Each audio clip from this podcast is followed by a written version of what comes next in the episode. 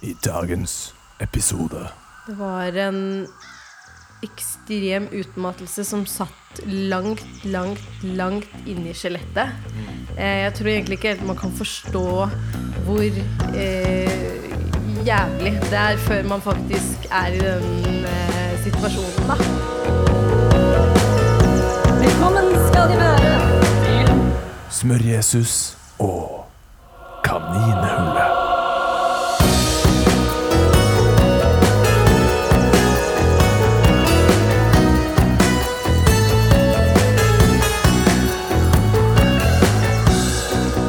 Ok, folkens. Vi er tilbake. Ny episode hvor vi graver oss ned i nok et eh, kaninhull. Eh, min gjest i dag er en eh, flott kvinne som jeg er heldig å ha blitt kjent med den siste tiden.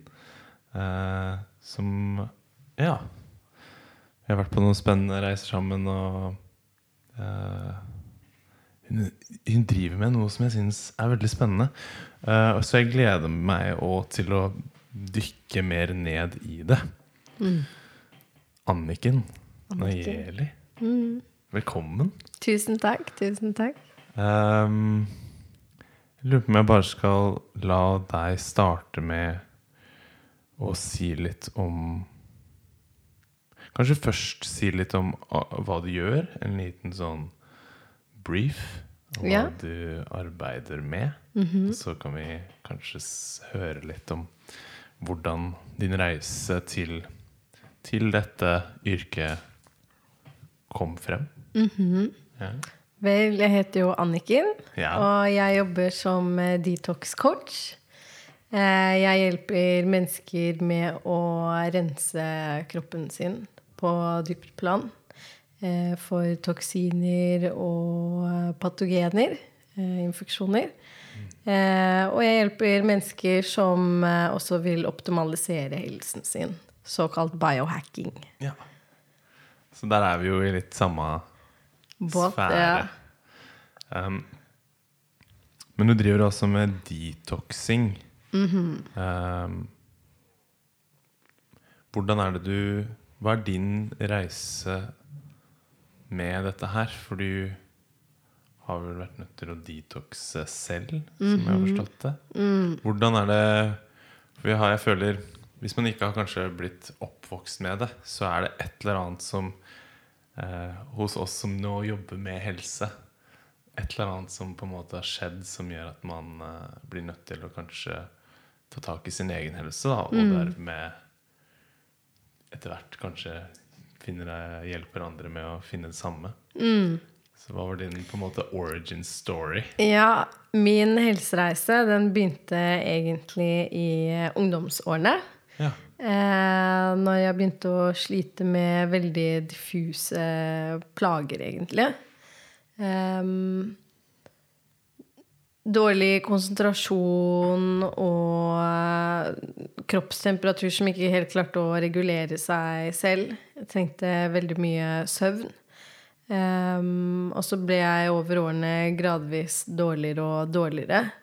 Jeg begynte å sette meg inn i kosthold, eh, om, gjøre om kostholdet mitt, slutte med gluten. Eh, jeg prøvde faktisk keto en periode. Okay. eller LCHF også. Mm, Lavkarbo, høyfett. ja. Det hjalp en del eh, på det tidspunktet. Eh, Jeg begynte å bruke litt supermat som spirulina og chlorella den slags ting. Eh, og så mot eh, slutten av videregående, da jeg skulle begynne på eh, videre studier, så begynte jeg virkelig å bli syk og måtte egentlig avbryte skolen. Eh, for jeg hadde så lite energi og slet bare veldig og klarte ikke å skjønne hva var det som var galt. Var hos mange forskjellige leger og tok mange forskjellige tester og bare fikk beskjed om at, eh, at alt er normalt. Ehm, så flyttet jeg egentlig til USA. Det var litt som en sånn escape for å prøve å ja, kanskje det blir bedre et annet sted, da. Eh, og da krasjet helsen min skikkelig etter å ha vært der en eh, liten periode. Og akkurat den dagen det skjedde, husker jeg så godt, fordi jeg bare falt til knærne mine eh, i en voldsom utmattelse. Eh, det føltes veldig sånn fysisk traumatisk. Og jeg visste bare fra den dagen der at nå kommer ingenting til å være det samme. Eh, og da ble jeg sengeliggende i to uker eh, med en ganske kraftig infeksjon som jeg egentlig ikke helt forstått vet helt hva var, eller Ja. Jeg klarte ikke å komme meg på toalettet. Jeg måtte krype eh, til badet mitt altså for å i det hele tatt Ja. Eh, og skjønte at eh, nå trenger jeg å reise hjem igjen og virkelig ta helsen min på alvor. Og flyttet da tilbake til Norge, hjem til min mor. Eh, hvor jeg kollapset helt og ble sengeliggende i mange år. Eh, og på det tidspunktet så klarte jeg ikke å huske navnet på flere av familiemedlemmene mine. Eh, jeg kunne ikke komme på ord sånn som stekepanne, ovn Bare sånn basic words, da. Eh, og det var utrolig skremmende. Eh, det var som jeg bare så hele livet mitt forfalle, og jeg hadde ingen kontroll over det whatsoever. Jeg sov fra 12 til 16-20 timer om natta. Eh, Og våknet opp og fortsatt hadde ingen energi. Det kunne ta meg to timer fra jeg våknet og lade opp, da, før jeg klarte å i det hele tatt komme meg på toalettet. Det var liksom den største oppgaven eh, på daglig basis, var å klare å komme seg fra senga til toalettet. Det var eh, ganger hvor moren min eh, prøvde å vekke meg om morgenen og rista meg. Eh, det tok 20 minutter før jeg kom til bevissthet. Og liksom bare Hva, hva skjer, liksom? Eh, så det var skikkelig, skikkelig skremmende.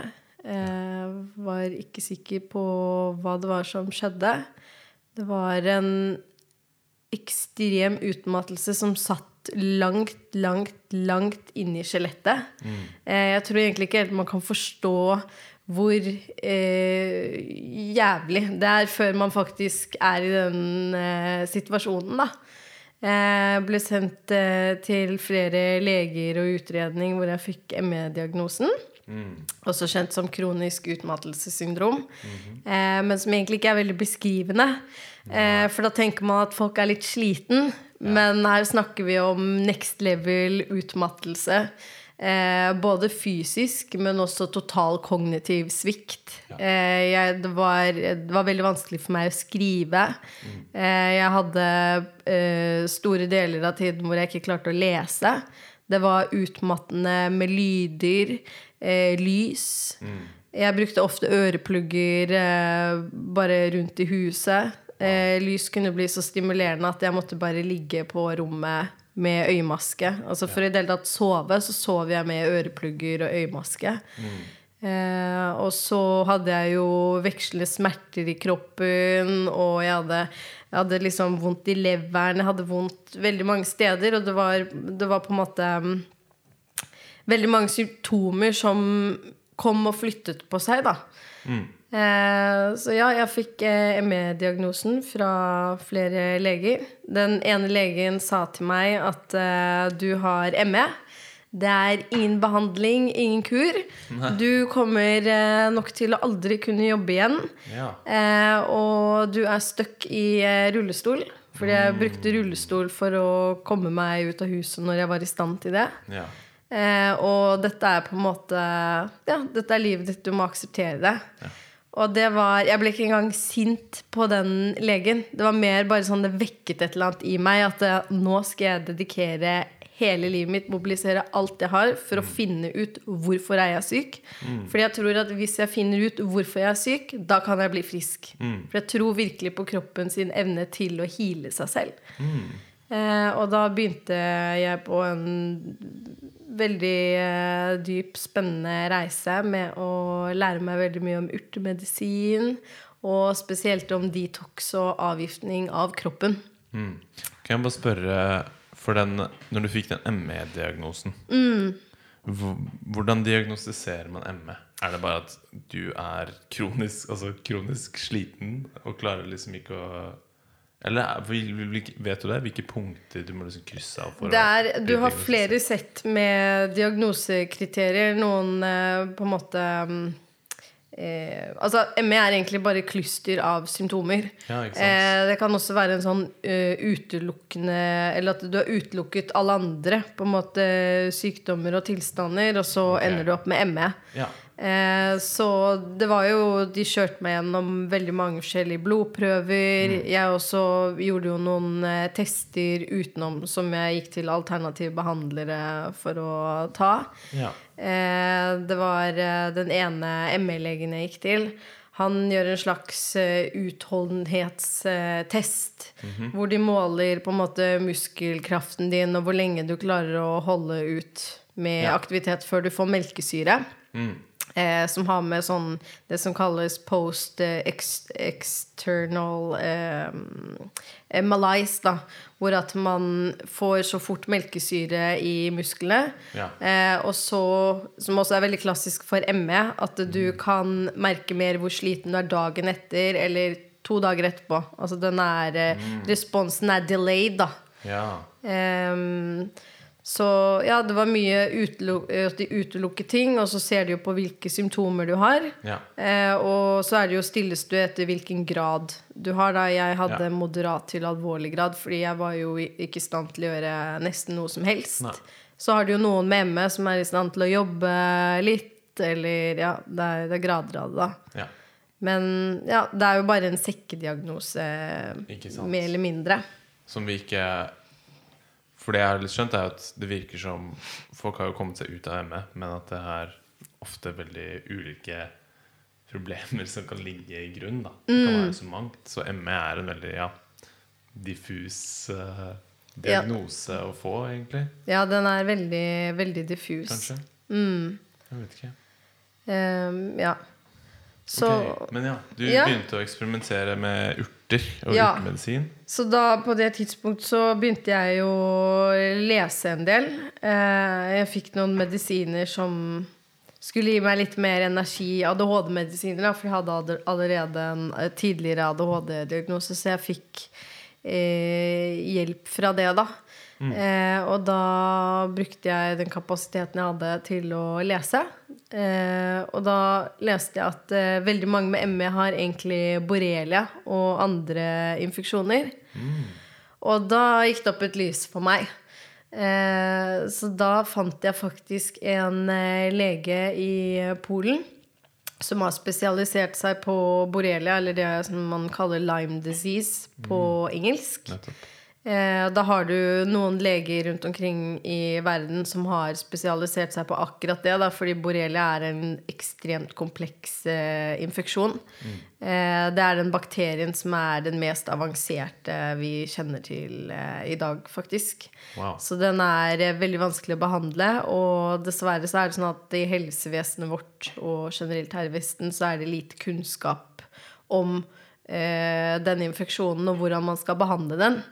Eh, her i Norge for eksempel, så tror man at eh, hvis du får borrelia etter et flåttbitt, eh, eller at du må ha en rød ring rundt eh, flåttbittet, da, da har du borrelia. Da gir de deg en 14 dagers kur, eller kanskje en måned hvis du er heldig, med én type eh, antibiotika. Og så er du frisk. Og hvis du ikke føler deg bra etter det, så da er det bare sånn. Ja. Eh, og det går ikke fordi borrelia er, er så smart at den eh, klarer å lure seg unna én eh, antibiotika. Da bytter den bare form til en annen type som antibiotikaen ikke eh, på en måte treffer, da. Eller ja, den, Ja. den tar ikke den formen. For borrelia kan morfe inn til flere tre typer.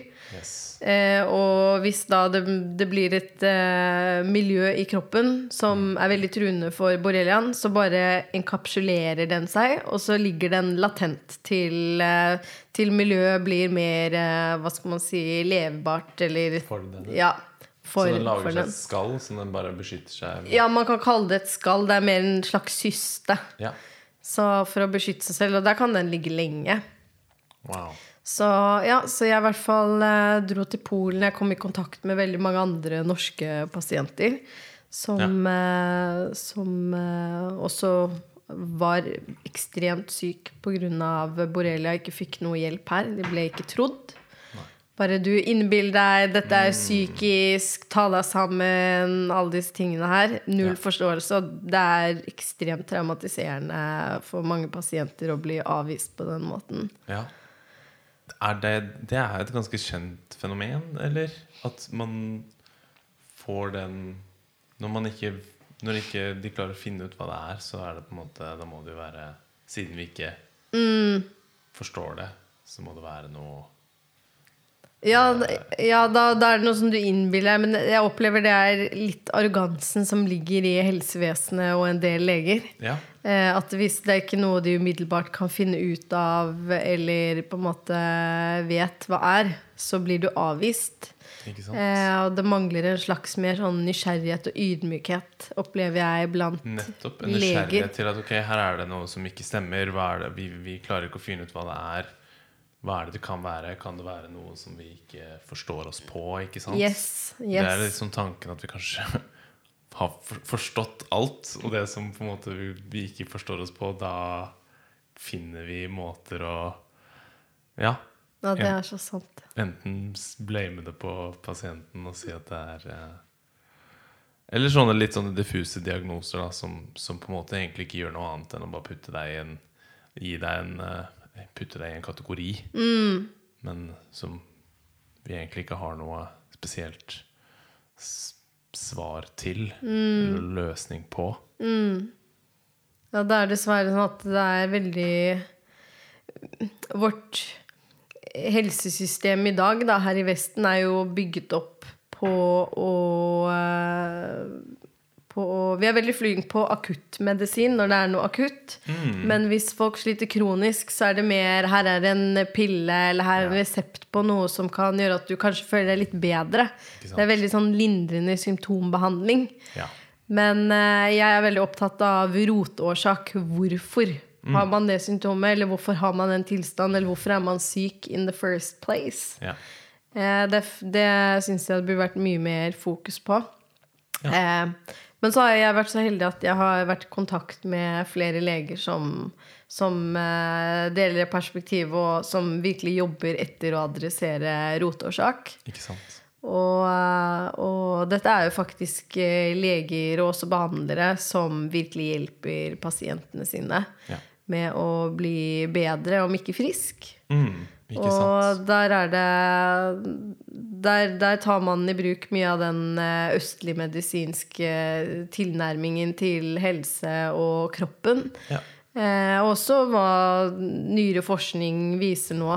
Mm. Eh, og der kommer jo detox eh, og avgiftning av kroppen veldig inn, da. Ja. Er veldig, noe som vektlegges veldig blant de, eh, disse legene som virkelig søker mot å hjelpe pasientene sine og ser at det er en veldig sterk link med å være At kroppen er overbelastet av alle de toksinene og giftstoffene som er i miljøet vårt. da Ja.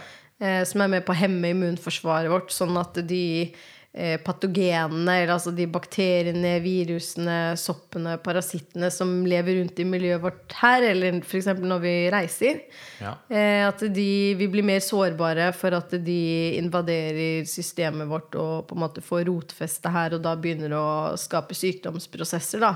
Ja. Hvor at eh, hvis vi hadde hatt sterkere, mer robuste immunforsvar, Yes. eh, så hadde vi vært i stand til å bryte dem ned og på en måte håndtere de, da. Ja.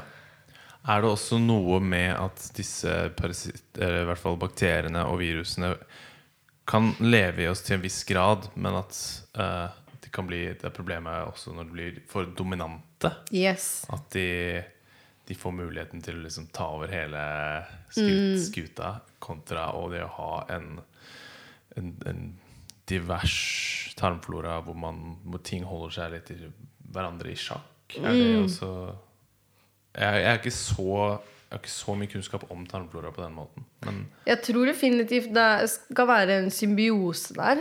ja. Um, men det er jo sånn, ikke sant Du vet jo veldig godt uh, når man har et uh, dårlig kosthold, da, eh, hvor mye ubalanser det skaper. Ja. Eh, og da f.eks. hvis man spiser mye sukker eller eh, prosessert mat, Ja. eh, så skaper jo det et eh, usunt miljø i kroppen, og det livnærer Eller gir liv mer til de dårlige mikrobene enn de mikrobene i tarmen din som vil deg vel, da. Nettopp. Og der begynner på en måte også problemet. Ja. Eh, men det er veldig interessant fordi mange av disse patogenene De har nå en funksjon fordi at det er så mye kjemikalier og giftstoffer i miljøet vårt. Så spiller de en funksjon også i kroppen vår at selv om de, er eh, kanskje patogeniske, altså at de er sykdomsfremkallende, eh, så absorberer de også eh, en del av de giftstoffene som vi får i oss. Så på den måten så beskytter de oss også.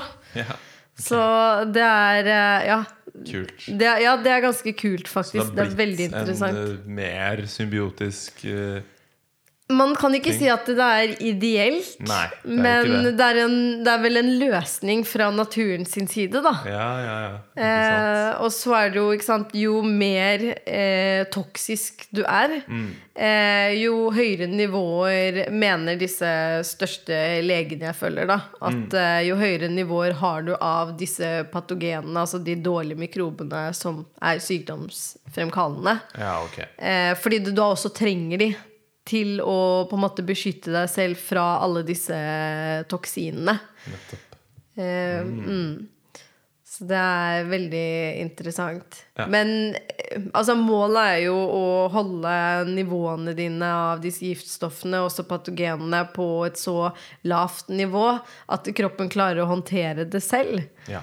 Eh, jeg har ikke noen sånn fundamentalistisk tilnærming til, eh, til eh, verken kosthold eller at man skal bli kvitt alle de dårlige mikrobene i kroppen. Det tror jeg ikke går an, og de har jo en funksjon der. Ja.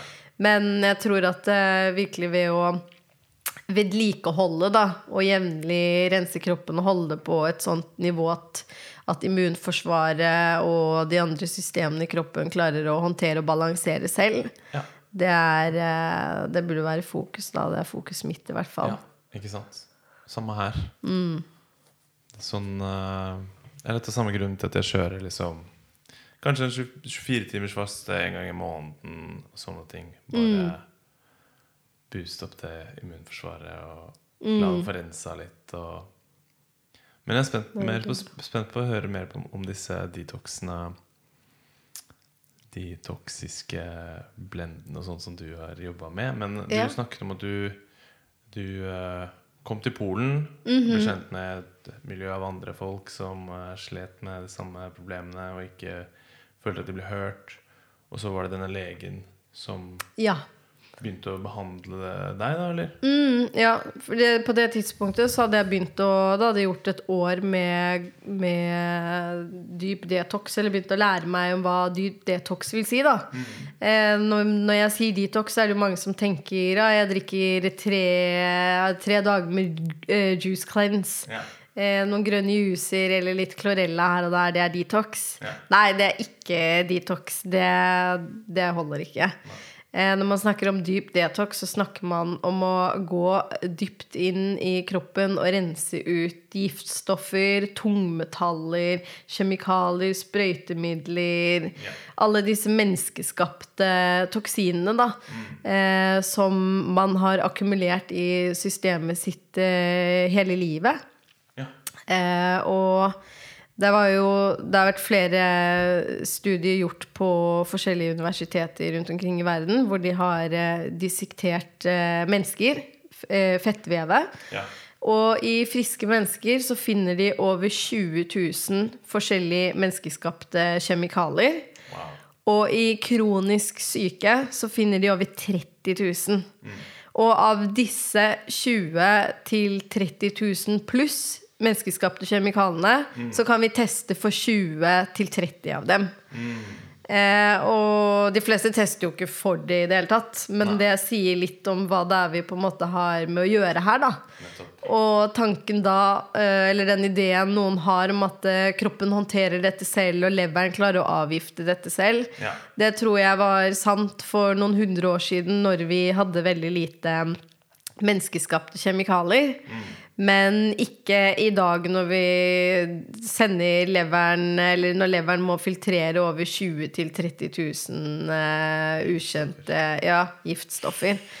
Så derfor er detox så viktig i dag, fordi vi lever i en så ekstremt giftig verden. Toksisk verden. Virkelig toksisk verden. Eh, og man kan jo gjøre mye med kosthold og med disse grønne juicene, også med fasting. Ja. Men jeg tror virkelig på det, eh, som jeg er så enig med, med de største legene innenfor dette feltet, da, som de på en måte eh, advokerer, eller advocater for, da. Eh, at eh, hvis man vil thrive i dagens verden eh, og ha en sterk helse, og så på en måte forebygge sykdom og, og forskjellige problemer senere i livet, så må man bare gjøre dette. Man må integrere det i sin nesten daglige rutine, og at det blir en del av livsstilen din, da. Eh, så det er jo på en måte det jeg representerer, og det jeg eh, lærer klientene mine og, og andre som søker mot meg, da. Hvor viktig dette er, og hvordan du kan gjøre det. Ja. Eh, og da er det ikke sant du må, du må Du må jobbe med kroppen i lang tid. Fordi sånn som mange av disse tungmetallene da eh, som vi har i kroppen, de kan ha halveringstid på 20-30 år. Ja. Eh, og det er liksom når du ikke gjør noe med dem. Men hvis du går aktivt inn for å detoxe de, så kan det ta alt fra noen måneder eh, til flere år. Eh, og så I tillegg så blir du jo konstant eh, utsatt for nye miljøgifter som du også må på en måte rense ut. da. Og hvis du har en eh, velfungerende tarm, velfungerende optimalisert lever, som jeg også er veldig opptatt av, eh, velfungerende nyrer som filtrerer og renser ut gjennom urinveiene, eh, lymfesystemet ditt har bra sirkulasjon, blodet ditt er veldig rent og ikke veldig toksisk, noe som skjer når leveren din er på en måte tett og allerede overbelastet. Ja. Hvis, eller når alt dette er flower, da, som er det jeg kjører eh, klientene mine gjennom et opplegg på å rense og optimalisere disse organene, så klarer kroppen mye bedre å håndtere de, de miljøgiftene man blir utsatt for, og andre former for stress da, i livet. Ja. Man blir generelt eh, mer eh, robust. Det er min, eh, min tro og forståelse også fra hva jeg har studert. da. Ja. For disse giftstoffene blir som sagt da lagret i fettvevet. Blir lagret i fettvevet, i hjernen, i Ja. musklene, i skjelettet. Det er liksom, det er overalt. Lagret der det egentlig kan. Der det kan. Og så en annen ting jeg vil legge til, er jo at hvis man har hatt eh, traumer, og da spesielt eh, fysiske traumer, da, f.eks. Ja. en hodeskade eller en ryggskade eller eh, brukket armen, eller noe sånt, så blir dette et sårbart sted. Okay. Eh, og ofte da så eh, er det ifølge de legene jeg eh, studerer, da, eh, så mener de at eh, det vil da samle seg opp mer toksiner og også patogener, disse infeksjonene, i disse områdene, i og med at det er så sårbart og vevet allerede på en måte blitt eh, skadet. da. Ok. Så, Så, vil, men, så kroppen vil lagre mer toksiner der, eller er det bare at Ja. de akkumulerer Ok. Men hvorfor vil det gjøre det på et, et sånn skadet sted? Fordi at du da allerede har et område som er sårbart. Okay. Eh, så eksempel at det kanskje da du har fått en skade, og det har Kanskje det ikke har healet seg ordentlig. Fordi kroppen rett og slett ikke har hatt alle verktøyene eller midlene til å gjøre det. Eh, og det området er mer utsatt. Eh, da har det en tendens til å samle seg opp mer toksiner og patogener. Og så er det et samspill da mellom disse patogenene Ja. eh, og eh, kjemikalene, spesielt tungmetaller, da. Mm. hvor at de, de på en måte blir avhengig av hverandre. Som jeg sa tidligere, at, ja. at patogenene absorberer mange av de tungmetallene. Eh, samtidig som at de bruker tungmetallene til å binde seg i kroppen. Så også for å på en måte bli forenset ut disse infeksjonene, så må du fjerne disse kjemikalene og tungmetallene og giftstoffene. Bruker de det til å Altså lever de av dem, på en måte? Ja, på en måte. De kan også bruke de til å lage det man kaller biofilm. Okay. Eh, som er basically det de gjør for å binde seg til kroppen og på en måte skape et hjem, nesten. da Ja.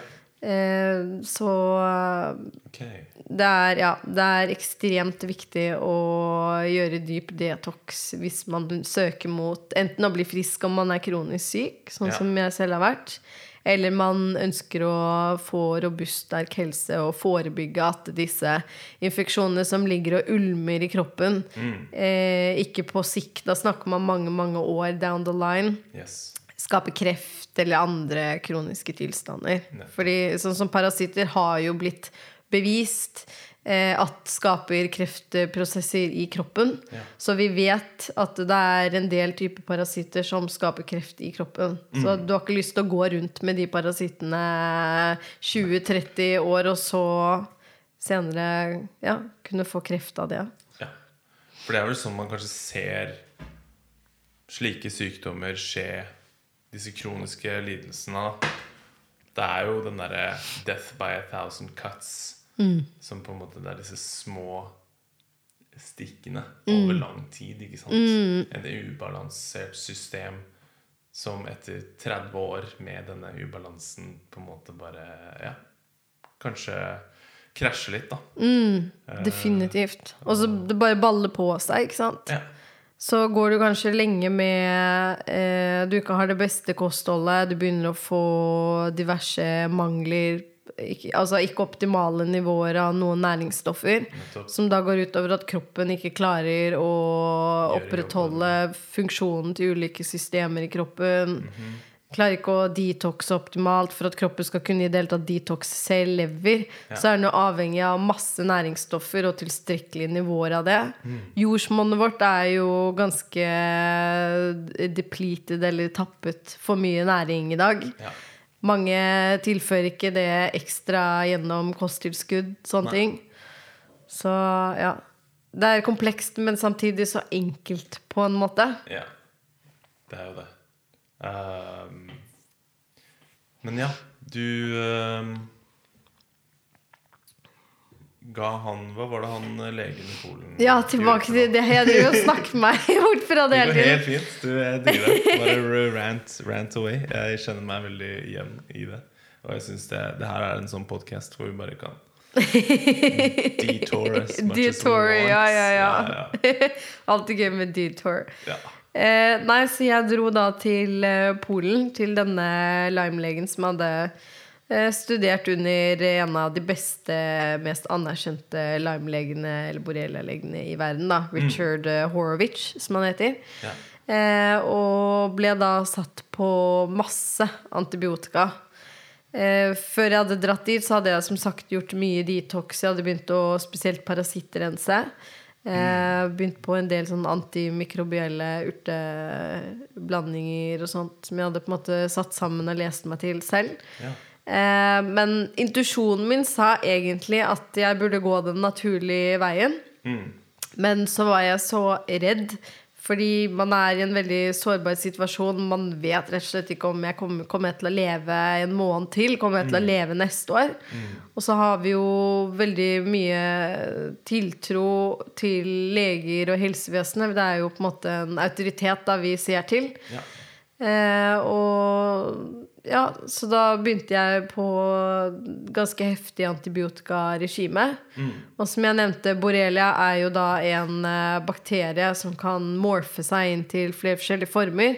Så når du skal behandle den, så er det viktig at du da tar eh, Hvis du skal gjøre antibiotikabehandling, da, at Ja. du bruker antibiotika som er effektiv mot alle de forskjellige formene. Eh, og i tillegg så brukte han mye kosttilskudd, noen urter og, og sånne ting som kombinerer for å støtte opp om antibiotikaen sin effekt. Ja. Og også bygge opp immunforsvaret.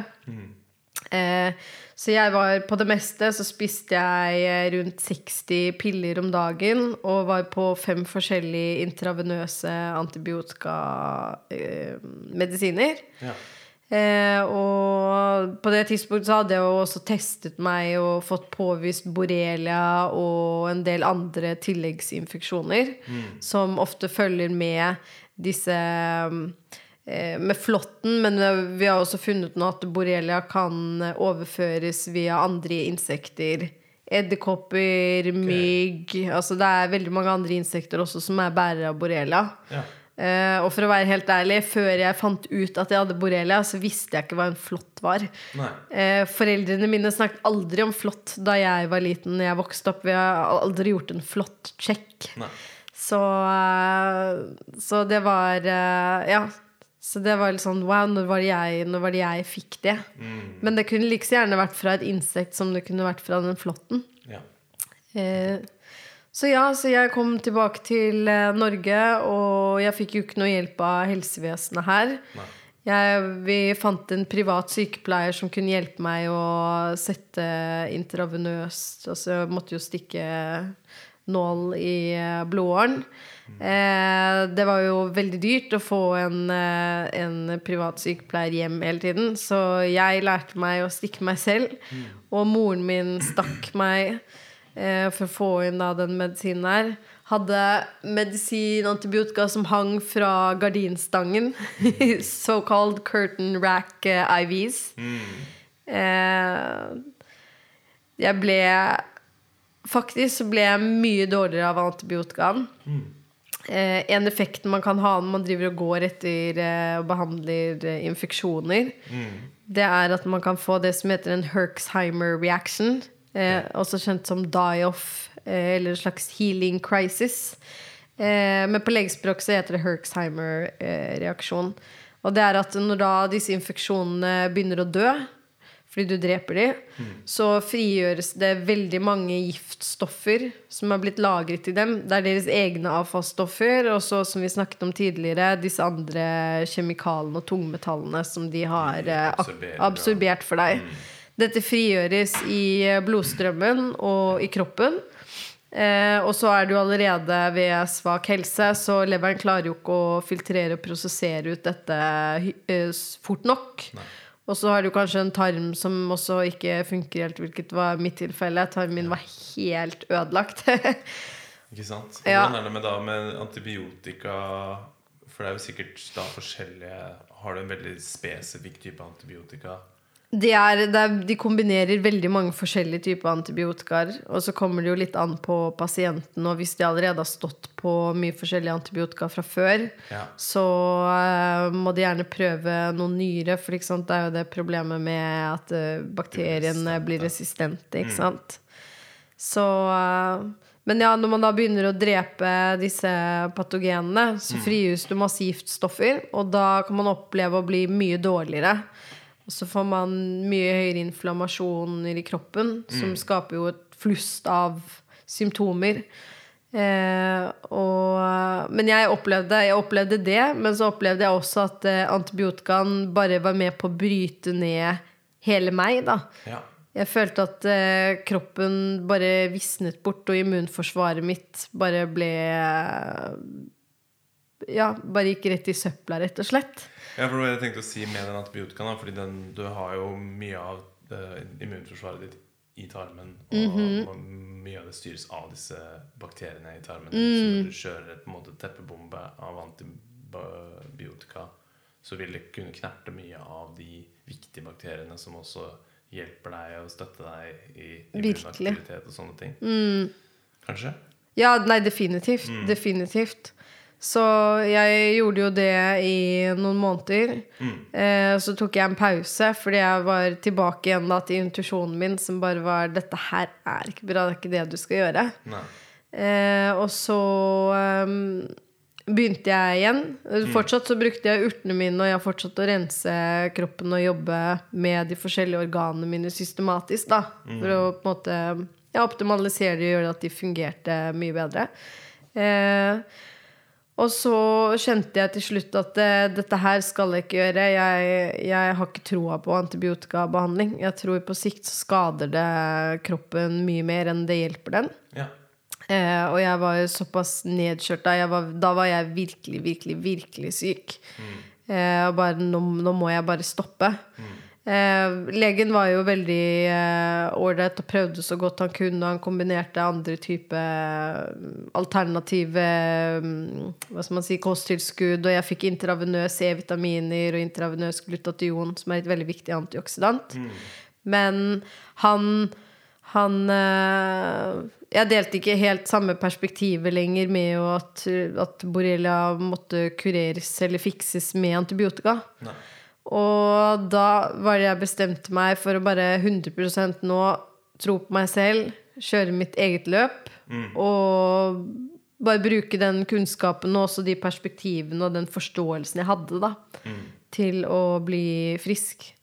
Og det var da jeg virkelig gikk inn for å eh, kjøre skikkelig dyp detox, og også parasittrense. For da hadde jeg forstått at det, det er noen leger eh, og eh, behandlere som mener at parasitter Fordi parasitter er mye mer vanlig enn vi tror, også her i Vesten. Ikke sant? Du kan tenke deg Vi ormekurerer jo dyrene våre én til to ganger i året, eller når de har vært på ferie. Men vi glemmer at eh, det må vi også gjøre. Vi går rundt med de samme type parasittene og ormene ofte som det de har. Og før i tiden så var det mye vanligere at vi ormekurerte oss fra vi var små barn og gjennom hele livet. Og det gjør de fortsatt i noen eh, kulturer og noen tradisjoner. Altså sånn indigenous people, da. Em, så ja, så da, da lærte jeg at eh, det var noen leger som mente at parasitter kan være verter for bakterier og virus. Og med den tankegangen så forsto jeg ikke Ok, men hvis borrelia-bakterien, eller noen av de andre bakterielle infeksjonene jeg hadde, er, er på en måte lever i parasitten hvordan skal jeg bli frisk hvis jeg går etter de bakteriene? Da må jeg fjerne rotårsaken, som da er parasittene, for å bli frisk. Og da var det nytt sånn der eh, lys som gikk opp for meg, Ja. som snudde opp ned på alt. Så da begynte jeg virkelig å kjøre på dette med parasittrensing. Jeg brukte masse forskjellige typer urter. Jeg virkelig satte meg inn i Lærte mye om parasitter og eh, de forskjellige typer urtene som er antiparasittiske. Hva de bruker også i andre land av naturlig behandling, da. Mm. For de parasittene som er vanlige der. Og det var da jeg virkelig begynte å bli friskere og friskere og se store forbedringer i helsen min. Og så innimellom her så jobbet jeg jo eh, veldig mye med å bygge opp tarmen min reparere tarmen min etter alt den skaden som antibiotikaen hadde gjort. da. Ja. Fordi den var jo ikke noe bra stand. Det var jo ikke noe bra stand før antibiotika heller, men antibiotikaen hjalp jo ikke. Nei, det hjelper liksom ikke med bare Teppebombe. Napalm-tarmen sin, kanskje. Jeg vet ikke. Nei, det hjalp ikke i det hele tatt. Så, og på det tidspunktet der så begynte jeg å jobbe med andre pasienter eh, og hjelpe de. De fleste av de var jo som selv slet med, med borrelia, var på en måte på et tidligere stadie Eller der hvor jeg hadde vært tidligere, da. Mm. og brukte min kunnskap, min erfaring, og satt sammen ulike detox-protokoller for dem, urteprotokoller, eh, anbefalinger for kosthold, disse tingene her, da. Ja. Eh, for å hjelpe dem eh, på, på deres vei. Og eh, ja. Så ble jeg bedre og bedre. Jeg liksom gikk fra å være helt sengeliggende og så vidt klare å pusse tenner, dusje én til to ganger i uken på en dusjkrakk, eh, til å plutselig kunne gjøre litt lett trening og bevegelse og liksom kunne bare putte enda mer energi på å lese og studere alt dette her, da, som jeg syntes var så spennende. Og så sto det jo om livet mitt, ikke sant. Ja. Det ble virkelig min, min eh, mission. Mm. Nettopp. Så da gjennom disse Er det parasittdrepende urter? Urtekurer? Ja. Som eh, var eh, din metode? som ga deg eh, over tid mer, mer energi og Ja, så Det var kombinasjonen av dyp detox, Ja. eh, hvor jeg da systematisk jobbet meg gjennom de forskjellige organene i en bestemt rekkefølge, som er måte, den naturlige rekkefølgen eh, å jobbe med de organene. Rense de og sørge for at de fungerer mye mer smidig, da. Ja. Og klarer å gjøre jobben sin enda bedre. ja. Eh, kombinert med da å eh, rense ut disse ubalansene i mikrobiomet vårt. Eller Ja. mikrobiomet mitt. Fordi sant, mikrobiomet vårt, da, alle de Vi er jo bare en sammensetning av bakterier og mikrober. Ja. Altså vi er eh, ti, ti til én med celler og, og mikrober. Yes. Så vi er jo ti ganger mer bakterier, bakterier enn vi er celler. Ja. Det er det vi er, liksom. Ja. Og hvis man har ubalanser i de mikrobene, og det er, det er, eh, det er de skadelige på en måte, mikrobene som regjerer over kroppen din Ja. og systemet ditt, så, så må du, du, må, du må balansere det ut, da. Yes. Så, og det, ja, så det var det jeg hadde veldig stort fokus på, da. Kult. Mm, det, ja.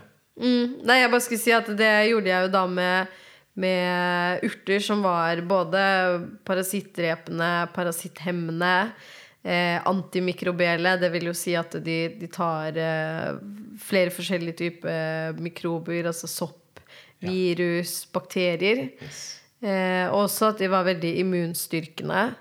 Eh, og så begynte jeg etter hvert å sette sammen og lage, lage egne formuleringer, da, urteformuleringer, hvor jeg kombinerte ulike typer urter som har ulike typer egenskaper, som jeg nevnte nå, pluss at de gjerne støttet lever og nyrer og sånne ting. Ja. Og så begynte jeg etter hvert å gi dette her til andre pasienter og folk som slet med helsen sin, da. Eh, For jeg hadde så troa på det. Ja. Og så så jeg jo bare at det fungerte for dem også. Eh, og så har jo det vært en prosess som gradvis har blitt til eh, produktet Paratox. ja. Nettopp. Som, ja, som er da min eh, dyp detox eh, tarmrens slash parasittrens. Ja. Som vi nå eh, jobber eh, med et veldig spennende prosjekt eh, med mm, et uh, kosttilskudd-brand som vi kaller Yoshibo. Så vi, vi driver og skal få produsert opp Paratox i stort eh, opplag og har egentlig lyst til å ta over verden med disse urteformlene. Yes. Det er planen. For, du tenk, for da disse parasittene og patogenene er et sånn større underliggende problem som vi på en måte ikke helt har fått øynene våre nok opp for. Definitivt. Definitivt. Og der er det jo igjen disse Altså noen av de fremste legene da, som jeg studerer og på en måte følger i verden, som er veldig fokusert på dette med roteårsak av kronisk eh, sykdom. Ja. Eh, og også da generelt liksom helsen vår, fordi hvis du ser generelt i verden nå, så har sliter Kanskje, kanskje de fleste blir eh, litt, eh, litt mye å si, Ja. men veldig mange i dag sliter med et eller annet Ja. med helsen sin. Ja, ikke sant? Det er, jeg tror det er veldig få som kan virkelig si at de har robust, god helse. Ja.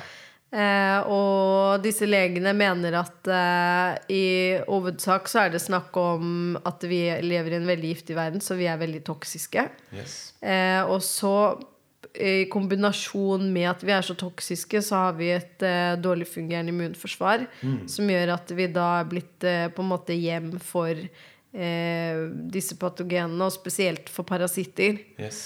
Eh, så de trives veldig godt i kroppene våre, så er jeg med på å skape ubalanse der, da, sammen med de giftstoffene. Ja. Så det, jeg, jeg tror jo virkelig på at uh, parasitter er ekstremt utbredt. Eh, og at eh, dette er et såkalt skjult problem som vi ennå ikke vet så mye om. I hvert fall ikke sånn den vanlige medisinen, da. Nei. Eh, og at uh, veldig mange ville være tjent med å på en måte passe bedre på tarmfloraen sin og rense opp i tarmfloraen sin og, og ha fokus på å skape ja, gi, gi mer liv til de, de gode mikrobene. Yes. Eh, og få renset ut de dårlige. Ja. Så hvordan er det du eh, tar vare på tarmen din? Ja. Det en, eh, Jeg tarmrenser. tarmrenser. -hmm. Det gjør jeg eh, opptil eh, noen ganger i året. Ja. Jeg gjør da annet kaffeklister. Okay. Er det det som heter coffee enemas? Coffee enemas, ja. engelsk? Det har jeg så vidt bare sett dukke opp, men jeg vet ikke helt hva det er for noe. Ja, det er jo veldig out there, kanskje, men det er jo en av de tingene når man da står mellom liv og død, basically. Ja. Eh, og du blir konfrontert med andre pasienter som anbefaler deg å kjøre kaffe opp i rumpa. Ja, og sier at dette her hjelper skikkelig. Eh, og så da overvinne all på en måte fordommene og all det, det man syns er ekkelt med det konseptet, Ja. til å faktisk gjøre det. Eh, Og viser seg når man har satt seg inn i det, at det har veldig mange helsefordeler, da. I hvert fall claims. Ja. Eh, at det er faktisk en veldig bra måte å få renset tarmen og leveren sin på. ja. Eh, og kaffeklyster, det faktisk var det en eh, lege fra Tyskland som het eh, eh, Gerson, eh, som oppfant. Han er faktisk den mannen som har eh, oppfunnet eh, juice-maskinen. Altså som oppfant juicing, da. Eh, fordi han begynte å jobbe med, med kreftpasienter. Ok. Eh, og hadde lyst til å eh, hjelpe de å bli friske. Eh, og så skjønte han det at med å flødde kroppen med veldig masse lettopptakelige næringsstoffer, og kombinere det med kaffeklyster, det, that was the way to go. Så han oppfant juicing-maskinen og begynte å sette kreftpasientene sine på disse protokollene med kaffeklyster opptil mange ganger om dagen. Eh, og faktisk kurerte veldig mange mennesker for kreft.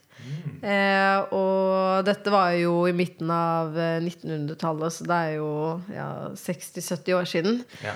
Eh, men etter hvert så eh, stiftet de The Gerson Institute i USA, som fortsatt er oppe og running, eh, hvor det er veldig mange kreftpasienter som søker seg, som ønsker mer alternativ eh, behandling til liksom, cellegift og stråling og sånt.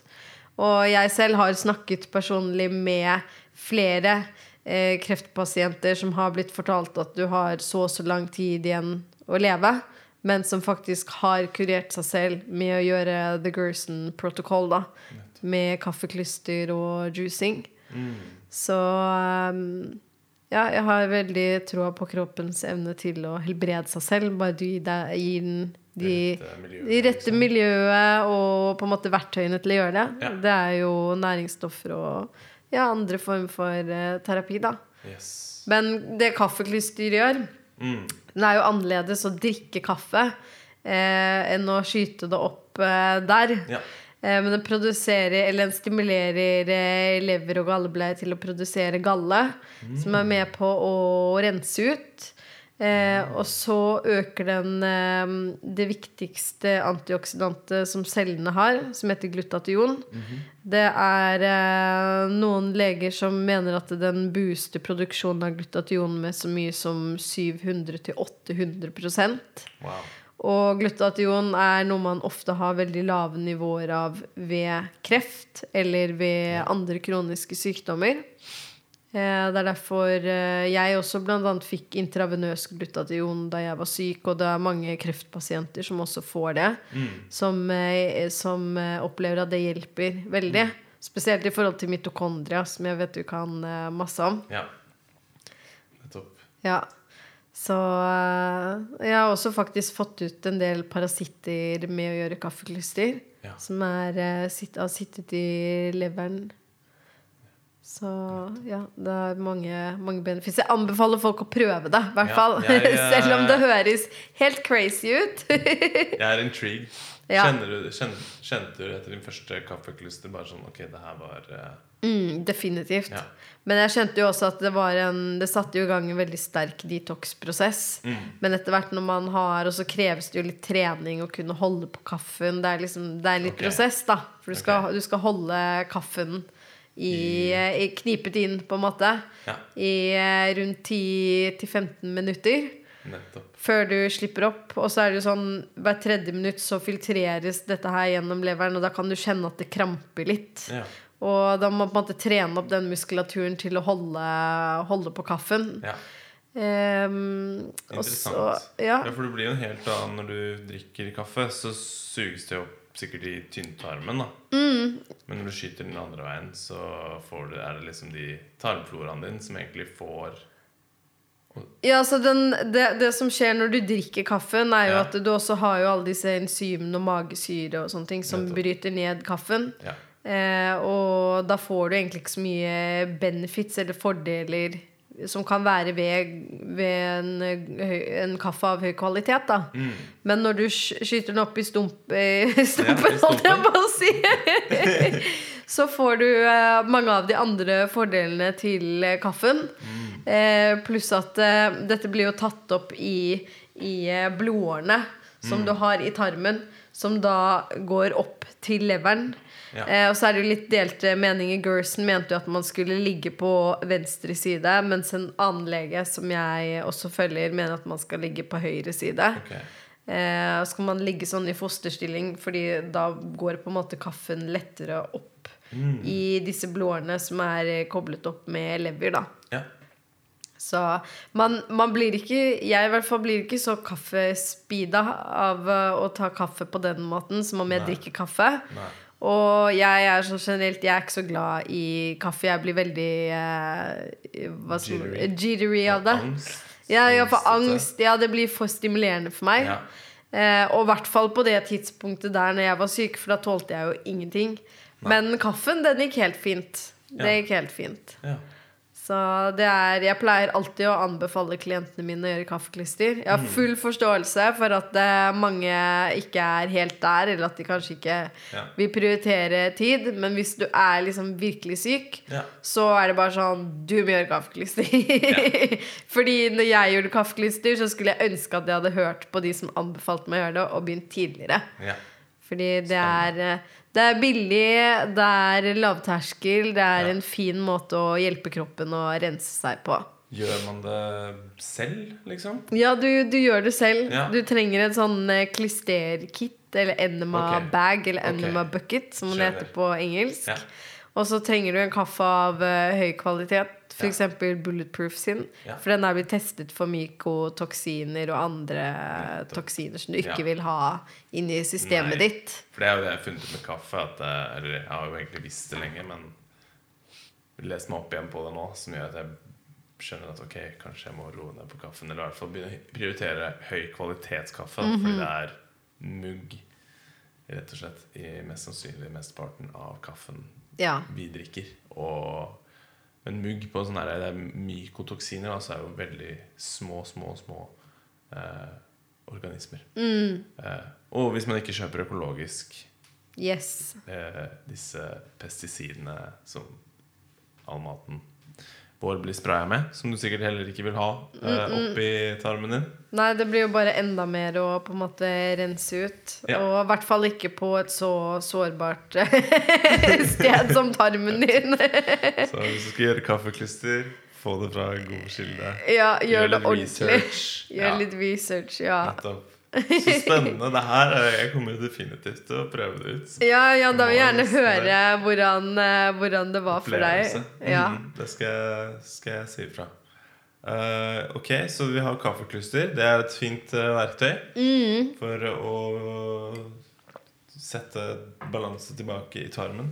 Ja, tarm og spesielt lever òg, da, for å Nettopp. avgifte leveren. Nettopp. Eh, og så er det jo, ikke sant, så klart, kosthold er jo grunnleggende. Det er jo essensielt. Mm. Eh, Er det noen spesielle tilskudd du tar for å liksom gi mikrobene i tarmen Ja, altså det er jo en del urter, faktisk, Ja. som er eh, Som de gode tarmbakteriene liker veldig godt. Som får de på en måte til å replikere seg selv og trives bedre.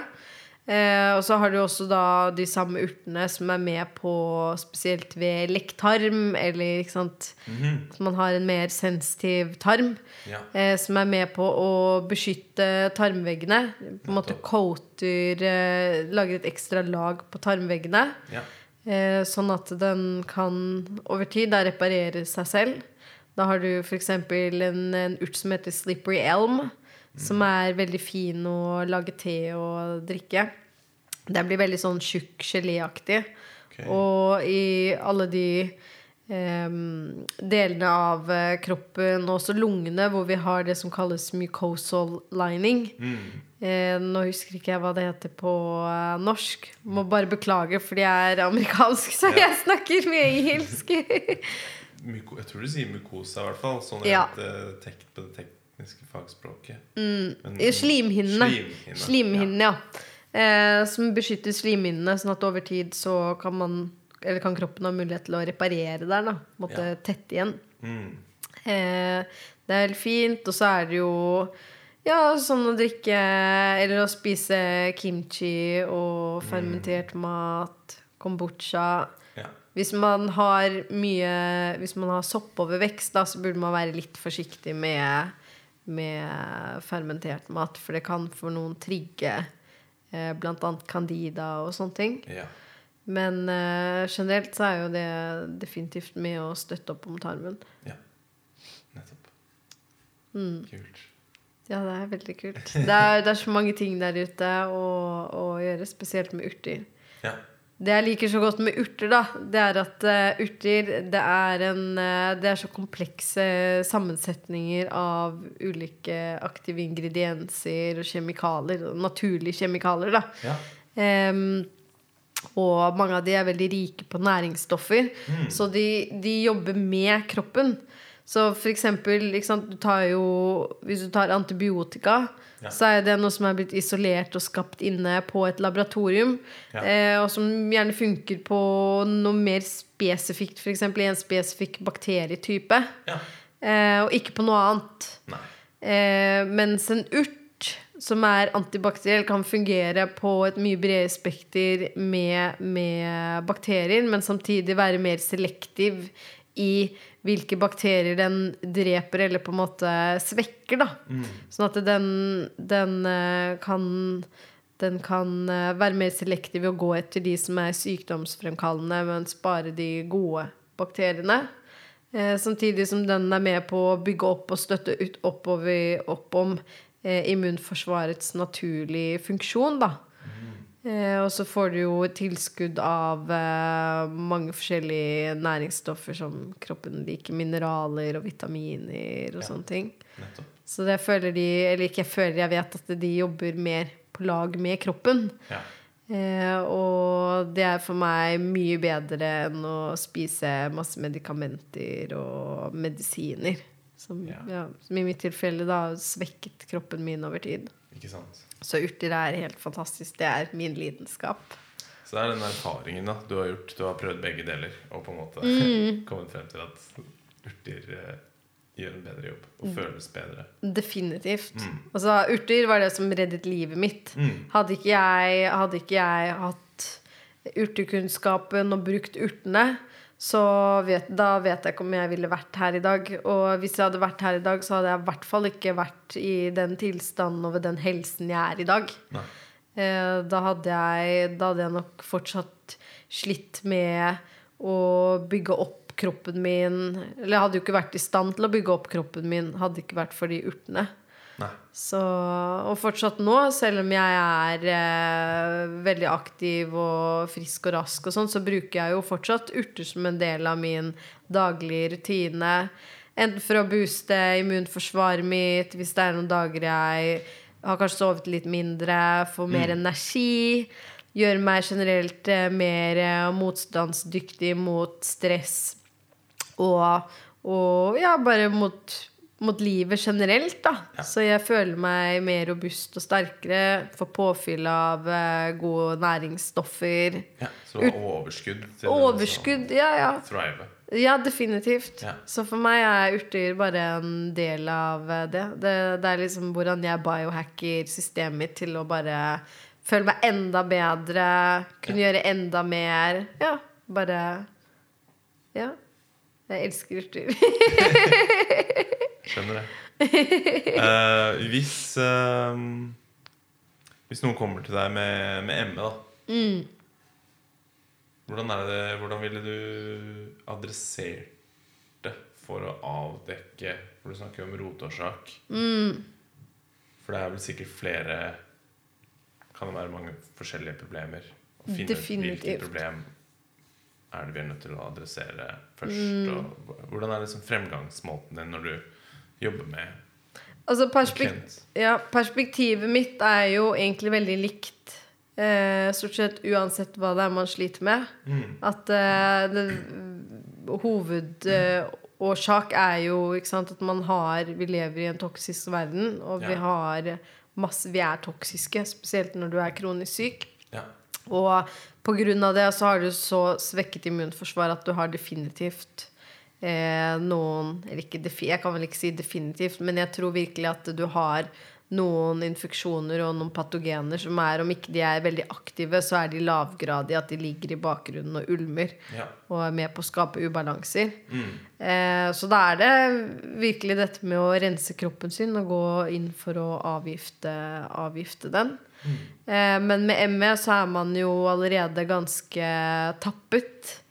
Eh, jeg tror ofte da så er kroppen Jeg sier ofte fordi at det er jo ikke alltid man har mulighet til å teste så mye. Nei. okay. Både av økonomiske årsaker, og så kan det være vanskelig å samarbeide med leger og sånn, eller fastlegen sin og sånt. For De testene man da kan ta, er for å se om man tester positivt til eh, visse parasitter eller visse bak patogenske viruser eller Ja, ja det også. bakterier. Det også. Som kan koste mye. Ja, eller- det er det ene, men jeg tenker også i forhold til næringsstoffer og næringsmangler. Mm, fordi man er så tappet. Ja. Men sånn som med parasitter, for da, så er det fortsatt Vi har veldig, generelt veldig lite kunnskap om parasitter. Og vi har veldig få tester eh, for parasitter fortsatt. Ok. Eh, sånn som eh, eh, Det er en lege som heter Armin, som er eh, verdens fremste parasitolog. Okay. Og han mener at én av tre amerikanere har parasitter. Og det er bare på sånn generelt grunnlag. Eh, og han gjør, kjører jo eh, analyser og sånt av parasitt, eh, eller for parasittesting. Og han, han nekter å la noen andre enn han selv gjøre det, fordi man må være så ekstremt presis for å kunne påvise parasitter. Okay. Så selv om du sender inn en, eh, en fekalprøve for, eksempel, for å teste for parasitter, så kan det være parasitter der uten at eh, testene klarer å fange det opp. Ja. Så det er derfor eh, mange av de legene som jeg følger, da, som, eh, som eh, vektlegger veldig mye med dette med parasitter, Ja. tar bare utgangspunkt i at, at eh, pasientene deres har parasitter, siden det er så vanlig. Eh, fremfor å bruke masse, masse penger på å teste for det. Siden det er så dyrt, og ofte så er testene for dårlige. Det er, det er så mye, mange av de parasittene vi ikke kan teste for heller. Eh, at man, de bare behandler dem som om de har parasitter. Og da, denne behandlingen Det virker som at det Det ikke har noen eh, farlige bieffekter, eller? Så, så hvis man Eller Altså- altså Jeg tenker, altså den, den, den behandlingen vil ikke skade på en måte uansett. Nei, ikke, ikke jeg, jeg mener jo ikke med, med urtebehandling. Nei. Men du har jo noen leger som bruker eh, antiparasittiske medisiner. Ja. Det har jeg for så vidt også prøvd selv. Eh, jeg er fortsatt mye mer fan av urter eh, enn de. Noen Ja. av de er veldig sterke. Det er, det er annet én type antiparasittisk medisin jeg fikk av legen min. Hvor at eh, hvis man går på den for lenge, da mener jeg for lenge én til to uker, så begynner man å miste håret sitt, og man begynner å se at man kan få leversvikt, sånne ting. Okay. Ehm, jeg tror jo at det kanskje for, ved noen tilfeller så kan det være nødvendig å kombinere parasittmedisiner med urter. Eh, men, Men generelt med urter, så hvis man på en måte går til noen som har, eh, har en god forståelse og kunnskap om urter, så er det jo ikke skadelig. Da er det, er det snarere tvert imot at det kan være med på å støtte og hjelpe opp kroppen. Ja. Men uh, For du gjør det til samme fremgangsmåten da med klientene dine, at du, du setter dem på en behandling i en tanke om at vi, vi, vi lever i en toksisk verden og har mest sannsynlig masse toksiner i oss. Ja, eller jeg, Og- mm, jeg, jeg, parasitter, eller? ja, eller jeg kommer med anbefalinger om hva de skal gjøre. For jeg fungerer mer som en coach Ja. eh, enn en eh, vanlig, fordi jeg er jo ikke lege. Nei. Så, så jeg bruker på en måte min, min kunnskap og min erfaring, min forståelse, og også min intuisjon for å komme med råd og anbefalinger om Ja. hvor, hva de burde ta, og hvordan de burde, burde gjøre det. da Mm. Hvordan de burde rense kroppen sin. Ja. En veiviser, på en måte. Ja, en veiviser. Fordi det er en jungel der av uh, masse forskjellige behandlinger og fremgangsmåter og misvisende informasjon.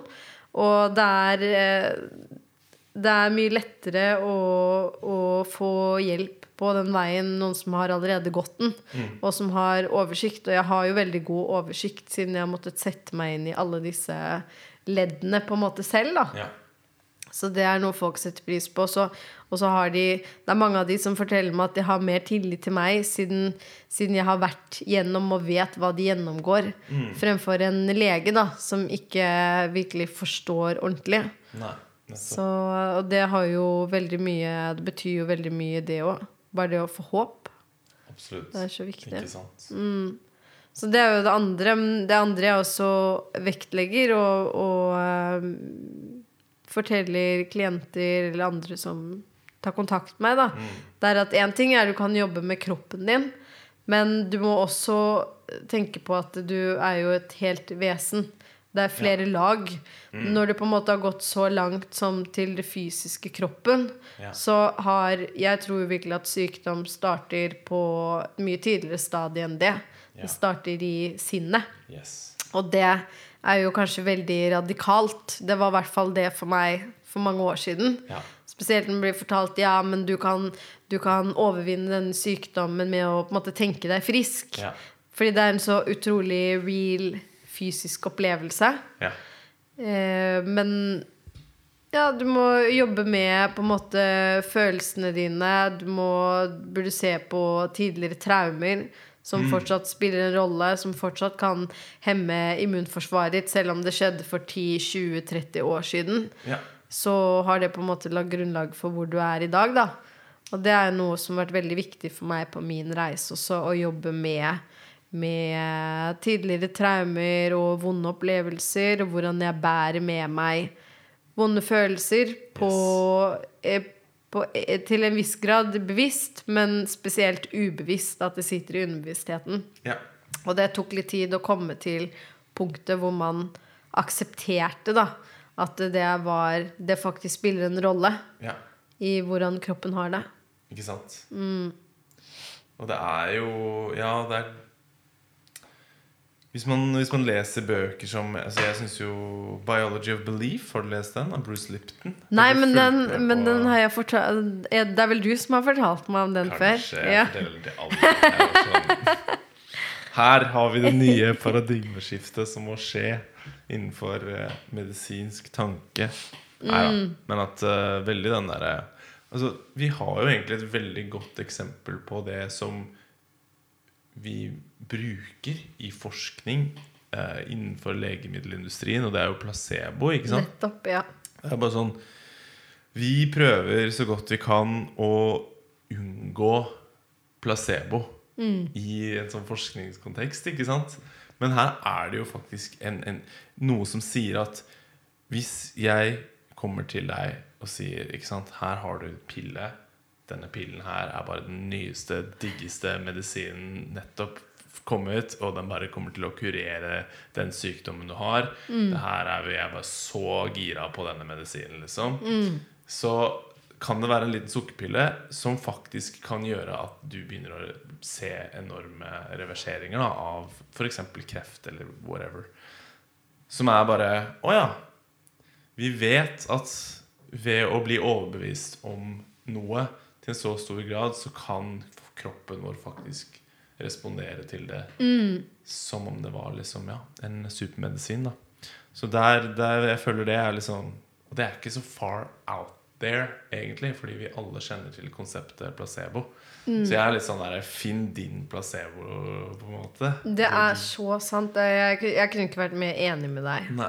Virkelig. Og der har vi igjen også da, på andre siden nocebo, som man snakker om òg. Der du nevnte med, liksom, og det er det man ser også Jeg tror leger har blitt mer bevisst på dette fenomenet. Uh, jeg husker ikke de kaller det et eller annet 'death by diagnosis' eller et eller annet sånt. da At det å bli fortalt, ikke sant Nå må du ta til takke med du, du kommer til å dø inn så lenge. Ikke sant? Du må sitte i rullestol resten av livet ditt. Du må bare akseptere det. Det bare å bli fortalt det kan ha en negativ uh, effekt da, på helsen din. Og, men også bare sånn generelt. Dette her er jo noe som du gjør i hverdagen din oppi hodet ditt hele tiden. ikke sant? Det er, ja, det er akkurat det. Og så er det å ta ansvar for det, da. Ja. For de tankemønstrene sine. Ja. For hvordan man forholder seg til ting. Enten det er sykdom eller et forhold eller eh, ikke sant, liv generelt, da. Og der igjen, ikke sant, at det ofte kan bunne ned til sånne vanemønstre som ligger helt ubevisste for oss. Som man også begynner å finne ut. At vi er Mye av de tingene vi gjør, og hvordan vi reagerer til verden der ute, er jo automatiske reaksjoner ofte. Som baserer seg på mønstre som vi har dannet. Ofte så kommer de fra veldig tidlig barndom, ikke sant? som vi ikke kan være helt ja, bevisste over. Da. Og hvis de er da skrudd på en litt sånn negativ måte, hvor det, hvor det, hvor det skaper, eh, skaper negative følelser og, og den slags, så, så vil det igjen ha en påvirkning på vår fysiske helse. Yes. Um, så jeg føler at Kanskje det var ganske far-fetched for noen år siden, men jeg føler det begynner å vi begynner å åpne oss litt mer for det. I hvert fall, da. Men, eh, eller kanskje, jeg vet ikke. Nå er ikke jeg så inne i legeverdenen. Jeg vet ikke helt hvordan det er i legeverdenen, men jeg legger merke til det med, med folk jeg treffer. ja. Eh, enten som eh, klienter eller venner eller bekjente eller nye mennesker. Ja. At de tenker mer i de banene der. ja. Og, og jeg har begynt å jobbe, jobbe mer med seg selv da, på et dypere nivå. Og begynne å se på disse mønstrene. Og i hvert fall anerkjenne at eh, ok, jeg har med meg mønstre fra barndommen som jeg ikke er bevisst. Mm. Men eh, jeg begynt å ha lyst til å se på det, så jeg på en måte kan bryte ut av det. da. ja. Og skrive det litt om Ja, skrive det om. på en litt mer eh, til et mønster som gagner meg mer, enn Nettopp. at det setter eh, kjepper i hjulene mine. Mm. Som er ofte det sånne mønstre kan gjøre, uten at man er bevisst på det, liksom. Selvdestruktive mønstre. Virkelig.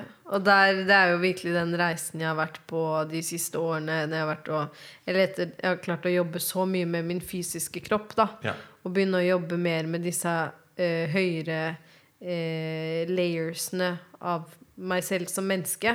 Ja. Ikke sant? Med mine tankemønstre i sinnet mitt, med emosjonene mine. Eh, til og med opp til det mer spirituelle, da. Mm. Eh, for jeg, i, i, på min helsereise så har jeg fått en mye dypere forankring i spiritualiteten min, og følelsen av at det er noe mer, og at, det er, at jeg er en del av noe større, da. Mm. Eh, det har vært kjempe så viktig. Ja. Og jeg hadde ikke klart å komme meg gjennom alt jeg har vært igjennom, da. Hadde ikke vært for den spiritualiteten min og den styrken jeg fant i det. Topp. Og, og jobbe da med healing eller helbredelse på disse høyere nivåene ved å bryte ut av sant, disse mønstrene man har med seg. Ja. Så fra det perspektivet der så anerkjenner jeg jo også at eh, jeg på et vis har vært med på å skape min egen sykdom. Ja. Og at eh, den prosessen begynte for når jeg var liten, eller Ja. Mm. når jeg var veldig ung, da.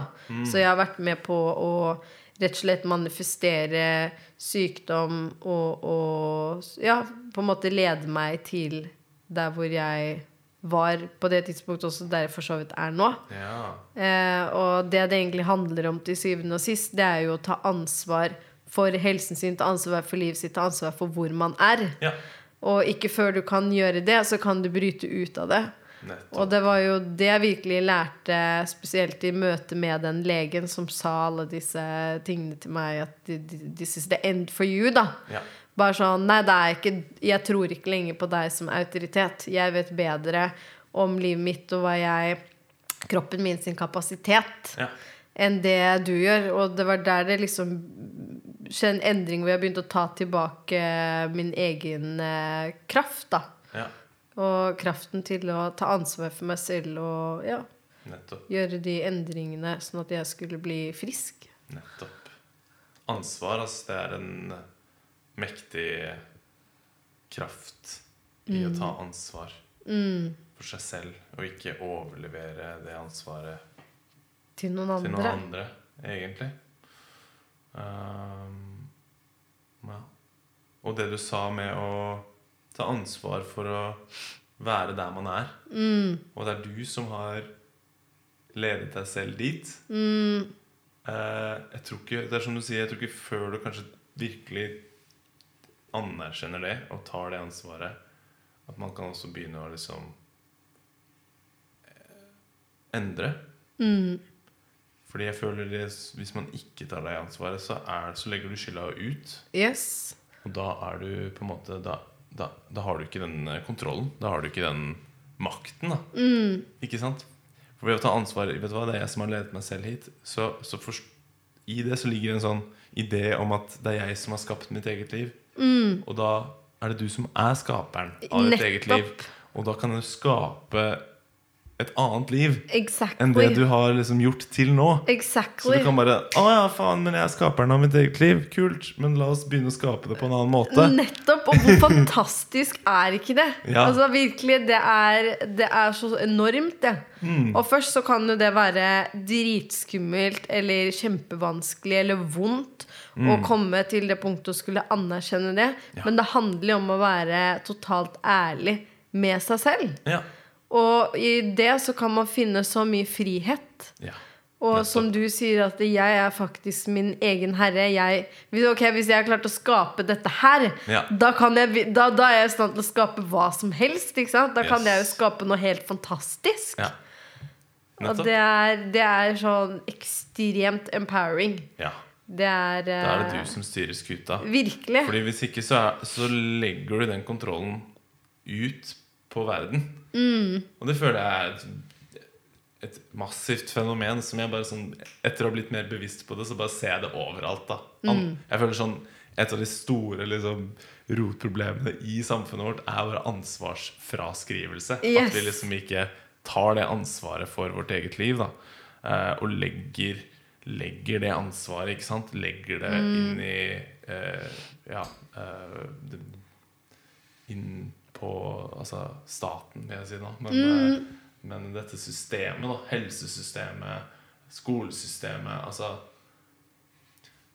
skal ikke jeg bli han derre Raddisen som bare skyter alle disse tingene ned. Men eh, jeg vet ikke. Det er eh, Av egen erfaring i hvert fall så er ansvar eh, en, eh, et mektig Mektig ting å på en måte ta. Jeg, jeg føler at alt bare bunner ned i det, egentlig. Ja. Det er ta, ta, ta ansvar. Mm. Ta ansvar. Og det er jo Det gjelder jo alt i livet. Og det er jo ikke sånn at du, Å ja, nå tar jeg ansvar en gang, så er jeg ferdig med det. Det er Nei. jo noe du konstant blir på en måte ja, ja. møtt med, og det er jo ikke alltid like lett. Nei, på ingen måte. Men det er Ja. Det er ganske skummelt, egentlig, for da er du ansvarlig for alt. Ja, Og da er det sånn Å, shit! Det kan være en stor ting å bære, liksom. Oh, fuck. Men, Men- faktum er jo at vi gjør det. Ja, så vi kan jo enten late som at vi ikke gjør det, Ikke sant? eller så kan vi virkelig anerkjenne det, og så Mm. bare Ok, men da har jeg den bevisstheten med meg, og da kan jeg også gjøre de endringene. Ja. Og det er jo ja, mye kulere det enn å bare Nei, det, det, det der tror jeg ikke noe på, eller det der bryr jeg meg ikke noe om. Nei. Liksom. ja. Nei, det Nice. Veldig Vi eh, Ja, vi har litt tid igjen. Men eh, det jeg hadde For det er en ting jeg også hadde lyst til å snakke om nå som jeg er inne på dette med mer spirituell helse, da.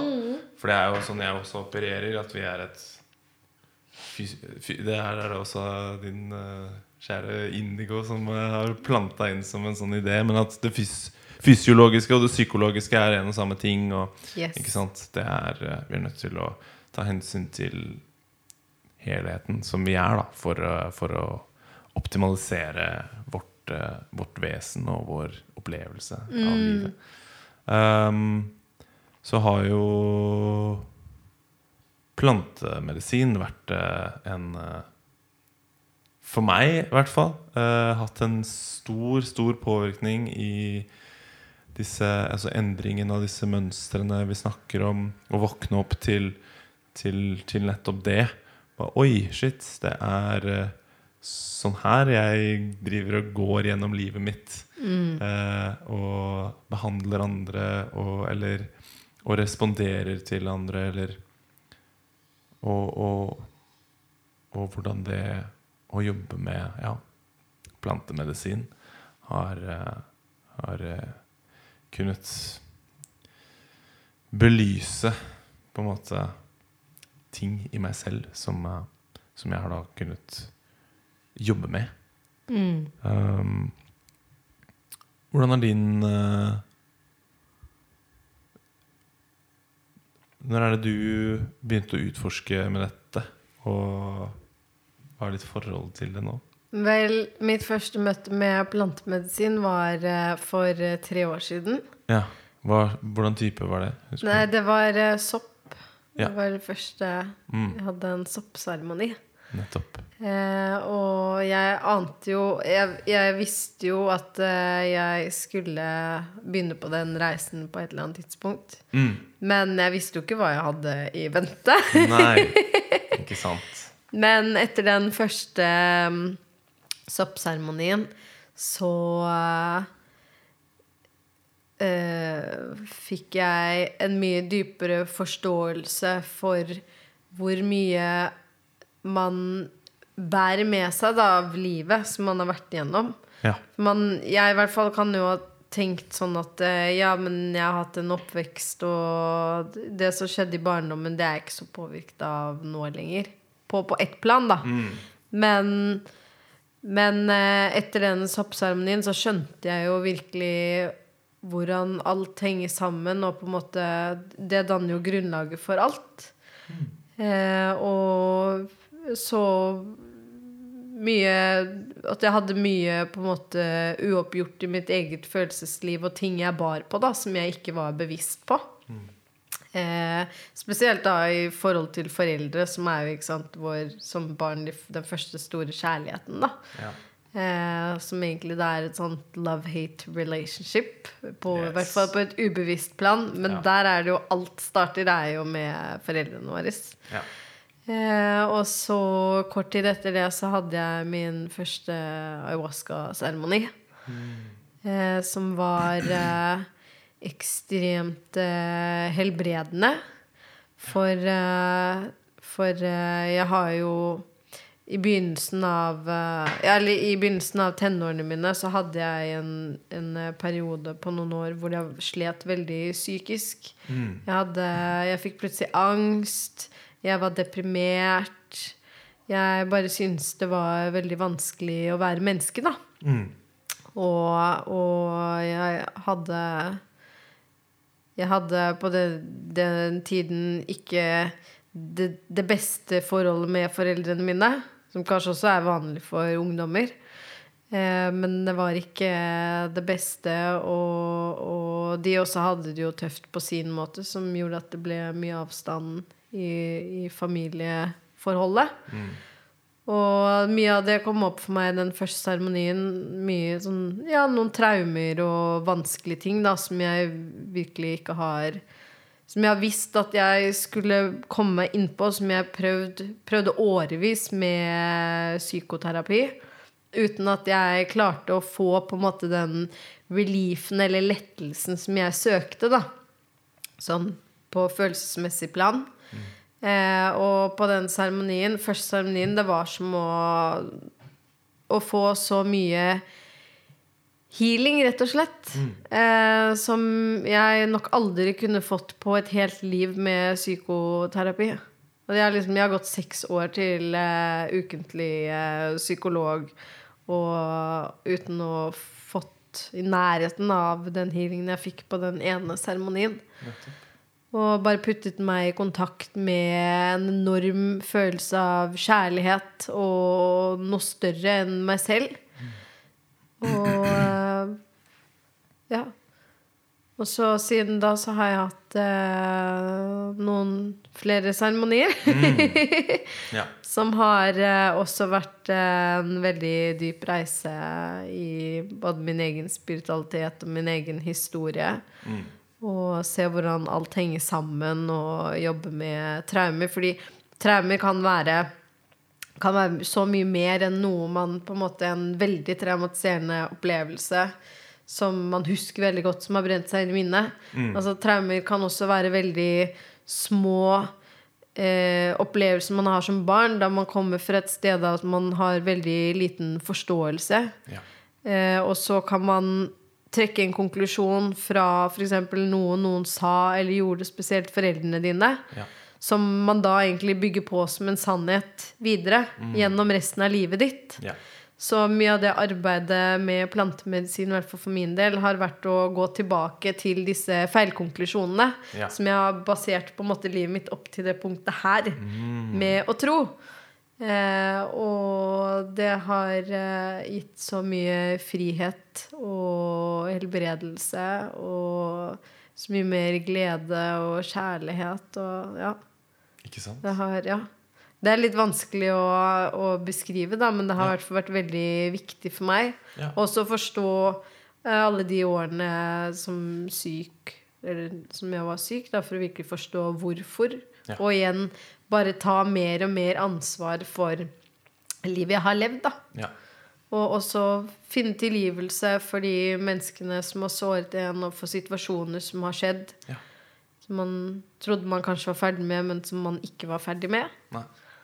Så det har vært et sånn virkelig viktig verktøy for meg de siste årene. Ja. For å ja, jobbe videre med, med meg selv, da. Yes. For det er jo Ikke sant? Som du sier, et massivt helbredende verktøy. Og det har det vært for meg også. Og, og ja, vi har jo sett, opplevd flere eksempler. Og, men, men det her er jo noe som er uh, ulovlig per dags dato. Eh, og som ofte blir veldig uglesett, men som virker som også verden begynner å åpne seg mer og mer for. Eh, ikke sant? Man begynner å få mer robuste vitenskapelige studier som, som viser den Yes. økte livskvaliteten til folk når de opplever bare én psykedelisk opplevelse med sopp. ikke sant? Hvordan det kan kurere depresjon, hvordan det kan eh, hjelpe til med avhengigheter, hvordan det kan ikke sant, hjelpe deg å, å deale med å skulle ligge for døden hvis du har kreft eller lignende. Um, og ja. For det har, det har litt fortsatt den, det bildet hos mange at dette er et giftig, farlig Bare Det her må vi bare holde oss unna. Eh, ting Man kan selvfølgelig, sånn som alt, så kan man jo misbruke det. Men, men det er jo Når du tar disse tingene med den riktige eh, I den riktige settingen, selvfølgelig først og fremst, men, men eh, med det riktige mindsettet. At det her er noe Det her er arbeid, egentlig. Dette arbeid, Det er det er ikke så viktig. noe- Det er ikke noe, det er ikke noe moro. Ikke noe walk in the park, liksom. Nei, nei. Man tenker, hvis man tenker det, i hvert fall ikke når man altså, begynner med høye doser øh, sopp eller ayahuasca, da. Som er eh, Som oftest, hvis du er fersk i gamet, så kan det være tunge ting som Kommer opp. som kommer opp. For det er litt det jeg føler det gjør. At det tar opp eh, ting som du Som har ligget undertrykt i din ubevissthet, som har vært liksom utilgjengelig Yes. for din bevissthet. Sånn som du sa, da du har vært i psykoterapi og skjønt at det er et eller annet Det er bare noe rart nedi meg som Ja, ja, det er en opp. Blokkering, liksom, Yes. som gjør at jeg eh, ikke klarer å ja, få ting sånn som jeg vil, da, kanskje. Ja, man ikke klarer å komme man, det, man klarer ikke å komme i kontakt med det, da, siden Ja. det er så undertrykt, som du sier. Det er så langt nede i underbevisstheten. Ikke sant? Selv om man bevisst prøver å liksom snakke om det og Mm. ikke sant? ha en Og du ønsker det faktisk å, å komme til en resolution med det. Yes. Men du vet liksom egentlig ikke helt hva det er heller. Ja. Det var sånn, det bare... Så det her er, føler jeg er litt et verktøy som, som bare kan løfte det opp i lyset. Yeah. Og bare sånn Yo, det her eh, ligger nede, har ligget nede og ulmet i underbevisstheten din og på en måte styrt ting litt. da Mm. Vært et mønster eller noe, som har, noe som har satt et mønster. Mm. En opplevelse eller hva enn det er.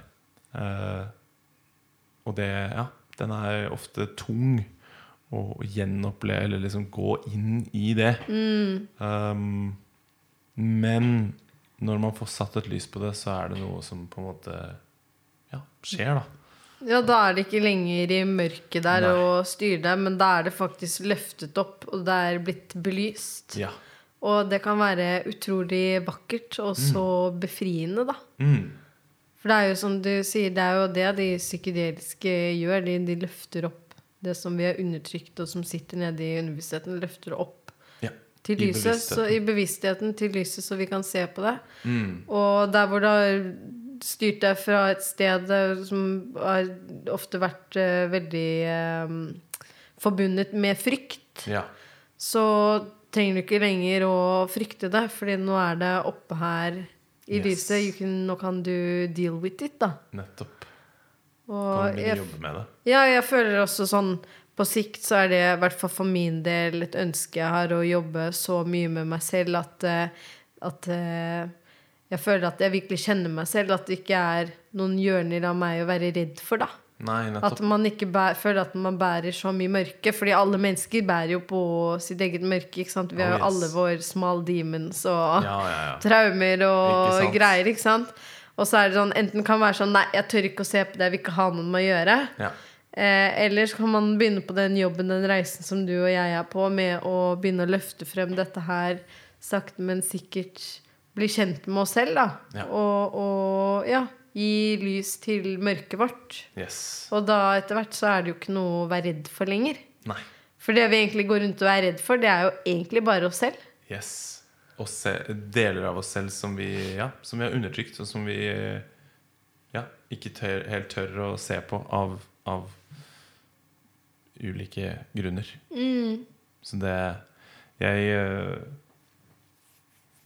Jeg syns jo eh, det er et så sykt fint sitat fra Jung som er eh, Og som gir veldig mening i, i denne man, man ønsker jo å utvikle seg, man ønsker jo å vokse. Man ønsker jo å gro. Vekst, det er jo forbundet med bare en, en økt opplevelse, vil jeg si. Altså, men, eh, men det med at eh, du må liksom inn i mørket for å For bak mørket ligger potensialet for et sterkere lys. Yes. Og det at uh, ved, Fordi det kan være litt sånn herre Hvorfor i all verden skal jeg drive og grave ned i det mørkeste av min syke? Ikke sant? Det høres jo bare råskummelt ut. og, og det er det, og jeg forstår det, liksom. Men, eh, men alternativet er litt blek, blekere, da. Fordi, ja Fordi bak det mørket så ligger liksom rom for eh, et mye sterkere lys, da. Eh, du må liksom du må liksom ned Jo lengre ned du har vært, jo, jo, jo høyere vil du komme, egentlig. Og det ser du også i folk som har kanskje gått gjennom bare sånn skikkelig harde ehm, Ja, et skikkelig hardt liv, da. Om det har vært i ikke sant? Man kan ta som eksempel um, han derre Viktor Frankel som var i konsentrasjonsleiren og skrevet uh, Hva heter boka? Ah, et eller annet med meaning. Ja. Um, hvordan uh, gå gjennom bare ekstreme hardships og komme seg ut på andre siden uten å bli brutt ned. For det er noen som blir også bare helt brutt ned, og som bare er ja, ikke klarer å komme seg opp igjen. da Ja. Men ved å ha vært i det dypeste mørket, og så kommet seg ut, så er det bare en sånn, et enormt uh, lys, da. Så, så det er det alltid det å tenke med disse, med disse vonde tingene som har skjedd i livet vårt, og de tingene vi har opplevd som vi ikke kanskje har lyst til å gå tilbake til. At uh, der ligger det potensial for vekst. Definitivt. Ja, Definitivt. Og frihet. ja ikke sant? Så frihet fra en sånn enslaving mm. makt som du ikke har noe kontroll over. da Nettopp. For det er litt det som skjer når disse tingene blir ubevisste for oss. At de, at de blir ubevisste. da Og Ja, da har vi altså, ikke kontroll over det lenger. Nei, det, det kontrollerer oss. Nettopp. Og så, ja, spesielt når man er ubevisst på det, da. Mm. Og for min del så har jo det bare vært opplevelsen at eh, jo mer jeg har uh, turt å se på disse vonde tingene og gå til de, disse mørke stedene, Ja. jo mer lys har jeg funnet da i meg selv, Mm. og også i livet og i menneskene rundt. ja. Uh, og bare, det har bare beriket livet mitt. Altså det, jeg er gladere i dag på grunn av det enn jeg noen gang har vært før. ja. Og, og jeg har mer for meg så handler det også om den, å finne den tilliten til seg selv og til livet igjen, da. Mm.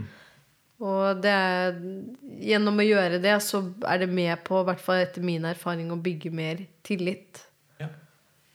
Så det er, eh, det er, det er veldig vakkert. Det er, det er som du sier, det er et så stort potensial der, da. Mm. Så det har virkelig vært eh, blod, svette og advarer. Føler i hvert fall jeg, da. Ikke sant? Så det Ja, nei. Det blir spennende å se om man får øynene mer opp for Definitivt. den type Det kommer, terapi. det. Ja, ja. Det kommer, det. Det kommer. Også i uh, medisinen den Ja. kommer. Det blir gøy. Det blir kjempegøy, og det blir så bra, for da får folk den hjelpen som de trenger. Nettopp. Og det må jo være det viktigste. Mm. Jeg lurer på om uh, vi skal eh, runde av her, Ja. Anniken. Ja. Vi har begge våre ting å gjøre. ja. Tusen hjertelig takk for meg. Det har vært en eh, kjempefin eh, samtale. Ja, i like måte. Så jeg kommer til å selvfølgelig linke til alt av eh, Annikens greier hvis man ønsker å utforske noe mer. Er det noe, er det noe du har lyst til å si angående det? Hvor man kan ta kontakt med deg hvis man har noen ulike Ja, det er bare å ta kontakt med meg eh, hvis man har eh, Ja, hvis man føler man trenger min hjelp, eller det er noe av det jeg snakker om som resonnerer. Ja. Ønsker mer informasjon om detox eller detox-programmene mine. mm. Eh, kommer til å lansere noen av uh, urteformlene mine, produktene, til Oshibo til neste år. Okay. Det blir uh, kjempekult. kult. Så da blir det også lettere for folk å få tak i uh, ja, detox-produktene mine og det, lære mer om det jeg holder på med. Ja.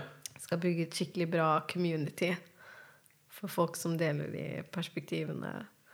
Og få med også den eh, plantemedisin-delen Ja. også. Ikke sant? For det, det kommer nå. Det gjør det. Det gjør det. Så ja, Da jeg finner på Instagram på Anniken Aieli. Anniken Aieli. Ja, detox.no. Nice. Fantastisk. ja, fantastisk. All right. Da er det Smørjesus signing off.